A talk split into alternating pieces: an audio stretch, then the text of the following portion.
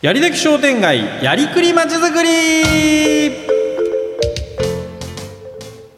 さあ時刻の方は6時39分を回ってまもなく40分にということでございます、はい。あここでドンピシャの時間に追いつきました。あ曲を抜いて抜いて。はい。えー、羊年の羊逆さ意見のお届けいたします。商店街活性化とか街づくりに活かせる小ネタを紹介するコーナー、やりどき商店街やりくり街づくりでございます。はいはい。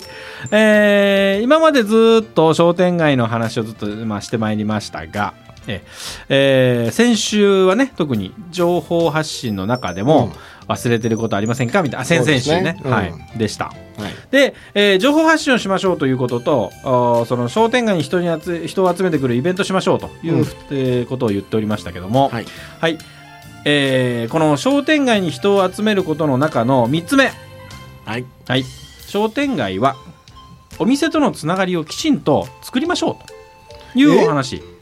これをね忘れてるんです、もう忘れてるというか今の商店街さんが、うん。商店街の運営組織がですね、うん。えー本来絶対やらなきゃいけないことの中で、ええ。最も抜かしてる部分。当たり前すぎて。まあまあ当たり前じゃあ当たり前そうそう、ん。ええでそれもですね、うん。商店街に人を呼んでくるための、はい。えー方法の中の一つとしてですよ、はい。その中の一つとしてだからイベントをやったり、うん。えー情報発信をしたりと、ねはい。マスコミ使ったりするそういうことと同じようにですねね重要なのはお店とのつながりを日常的に作っておくことなんです。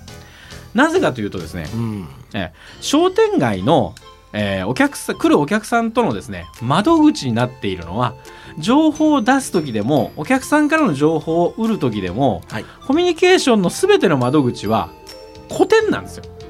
古典ですはい。ね一つ一つのお店ですね。そうそうそうそう。はいはい。で、えーそのお店だだから商店街がいくら頑張ってですよ、商店街運営組織が、ねはい。うちは今度こういうことやりますとかなんとかっていうふうに、えーマスコミを使ったりして情報を発信したりするよりも何よりも、はい。いつも来てくださってるお客さんを、えーその各お店が捕まえてるわけですから、うん。その方々にまた来てね今度こういうことがあるから来てねとか、今度商店街は、えーこんな風になるのよとか、うん。ね、それから商店街ってなんかこうこうしたら便利なのにねみたいな逆の情報が入ったりとかはい。いうのは全部窓口になっている古典さんがやってくれるわけで。そうですね。でしょ、うん。事務局の人が街角に商店街の角に出て行ってですよ、うん。どうですか？とか。ね？今度こんなことやりますってチラシ配ってしないでしょ、うん。できないし。ええ、そういう時にですね、えーもう何かあったら例えば折り込み代にかけるお金があったら、うん。ね、手配りのチラシでいいからお店の方に渡してお店の方から自分のお客さんに渡していただく、まず既存のお客様に対してね。えうん。え、ということを地道にやる方がですね今の商店街さんの、えーこの商店街に人を呼んでこようという流れには乗りやすいわけです。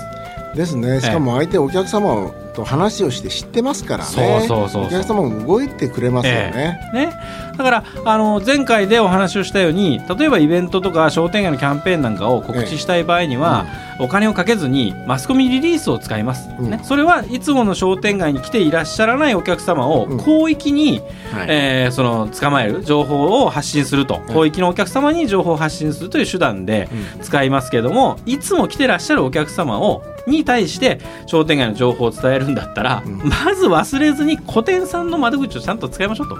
そうですね。ええ。それはしっかりと機能するようにねそれともう一つは古典さんを大事にしていくということのひあの次ですけどあの、まあ、昨日もですね、ええ。ー佐世保の商店街の理事長さんに来ていただいて、竹これはもう本理事長に。有名な方ですはい、ね来ていただいて、えー三原で講演会していただいたんですけどね、はい。その時にもなんでイベントをいろんな人がどんどんどんどん商店街で打っていくのかはいっていう話の時に、えーそのおたくさんのイベントをやることによってそれぞれの関わる人間がどんどん増えるんだと。うん。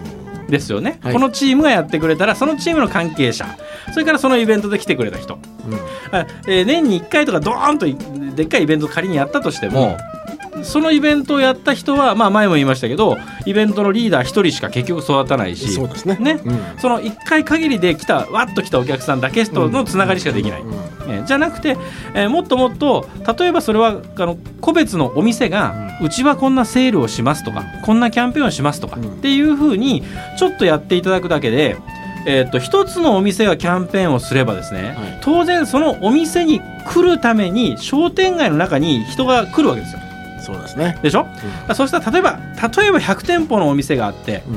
100店舗が1年に1回でもいいけど、うん。ミニイベントをしますと、うん。売り出しでもいいですしキャンペーンでもいいですし、はい。そうしたら年間で100のイベントってことなんです。商店街にとっては。そうですね。ええ。うん。だから3日に1回なんかやってることになるわけですよ、うん。そういうふうにするためにもやはり事務局さんというのはお店の方にそういうふうな、えー情報発信とかそれからイベントとかをイベ、ねえーやりませんかというそのおサポートをしていくと、はい。これも日常をちゃんと接触をしているからできることなんですね。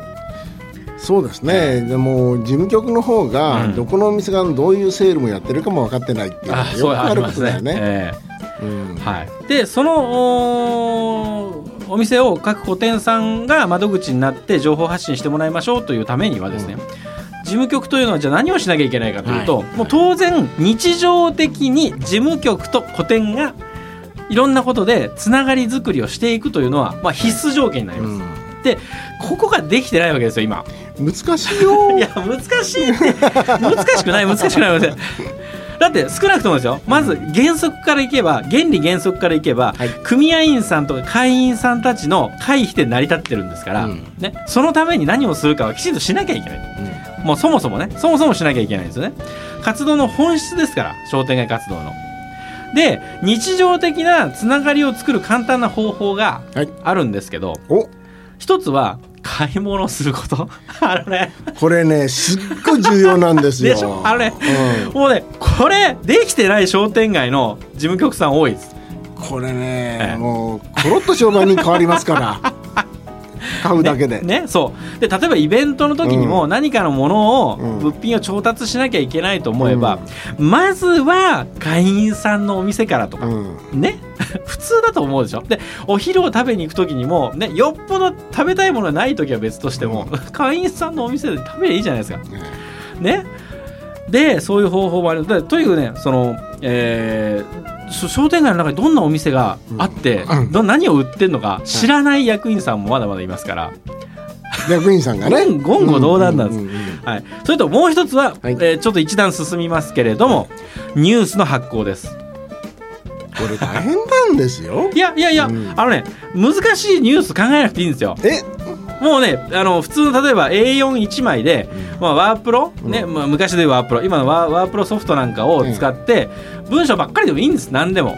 ええ、内容も、えっと前回出したニュースから、うん。今回のニュースの間に何がありましたとか、ねうん。それから自分が書く人が感じたなんか春になりましたねとか、うん。そんなんでいいんです実は。で今度、えーこの商店街こんなことしますよとか、ね、でもっと困ったら皆さんのところで何か、えーご意見はありませんかとか何でもいいです。なぜなぜかというところねニュースを作ることの方が大事で、うん作るっていうかあの配ることが大事なんです。はいはい、どんな内容のニュースでもいいんで極端に言えば。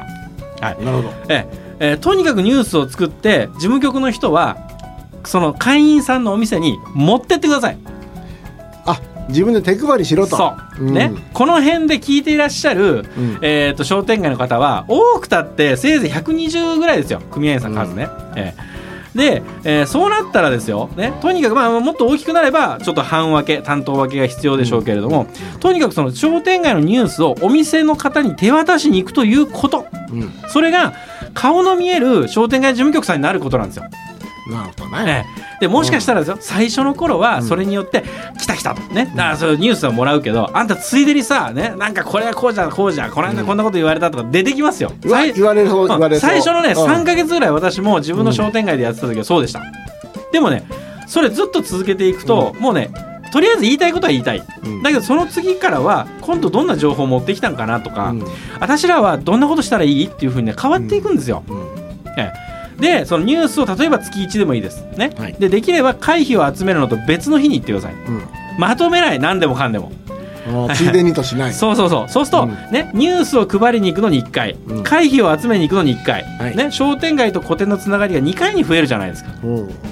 さらに確例えば自治会の機能とかがあるところだったらグリーンボールなんかそうだったんですけど、配り物が発生しますよね、ええ。ー、司法とか、うん。えーなんかお知らせ？市からのお知らせがあったり、うん。これもう1回増やす。3回。えね、はい。今まで1回でも顔を出さなかったような商店街で、うん。月3回個展とつながっていったらそれはですね風通しよくなります。みんなで商店街のことも知ろうと思うし、うん。商店街が何かをするんだったらどんなことをしようかなと思うようになるんですよ。ということでそうなんです。そういうことで、うん。えーそうすると、えーいろんな手配りチラシを作ってお店の方からお客さんに渡してくださいねという情報窓口になったりお店の方で最近この商店街のことで何か聞いてることありませんかという情報を受ける窓口にも簡単になっていただけるわけです。集合ボックスを作って、ええ。そこに入れてるから読めと。あ そういう そうじゃない？ダメなんだね。そうなんです、はい。うん。ということでだって接触頻度ですから。ね、はい、ということでございまして、商店街の皆さんちょっとだけ、えー大変かなと思うと思うんですが慣れです。なれ、はい、慣れだしやっていけば必ずもう今までのようなその殺伐とした感じじゃなくて、信じられないような反応が3か月後ぐらいから返ってき始めますんで、3か月の辛抱なんだ、ね、そうそうそうそうそう。はい、うん。それを期待してですね頑張って。これはね期待していいことです。期待して必ず反応ありますから。はい。そうやって頑張っていただければということでございますはい。はい、商店街今やらないと廃れますよ。やりとき商店街やりくりまちづくりでした。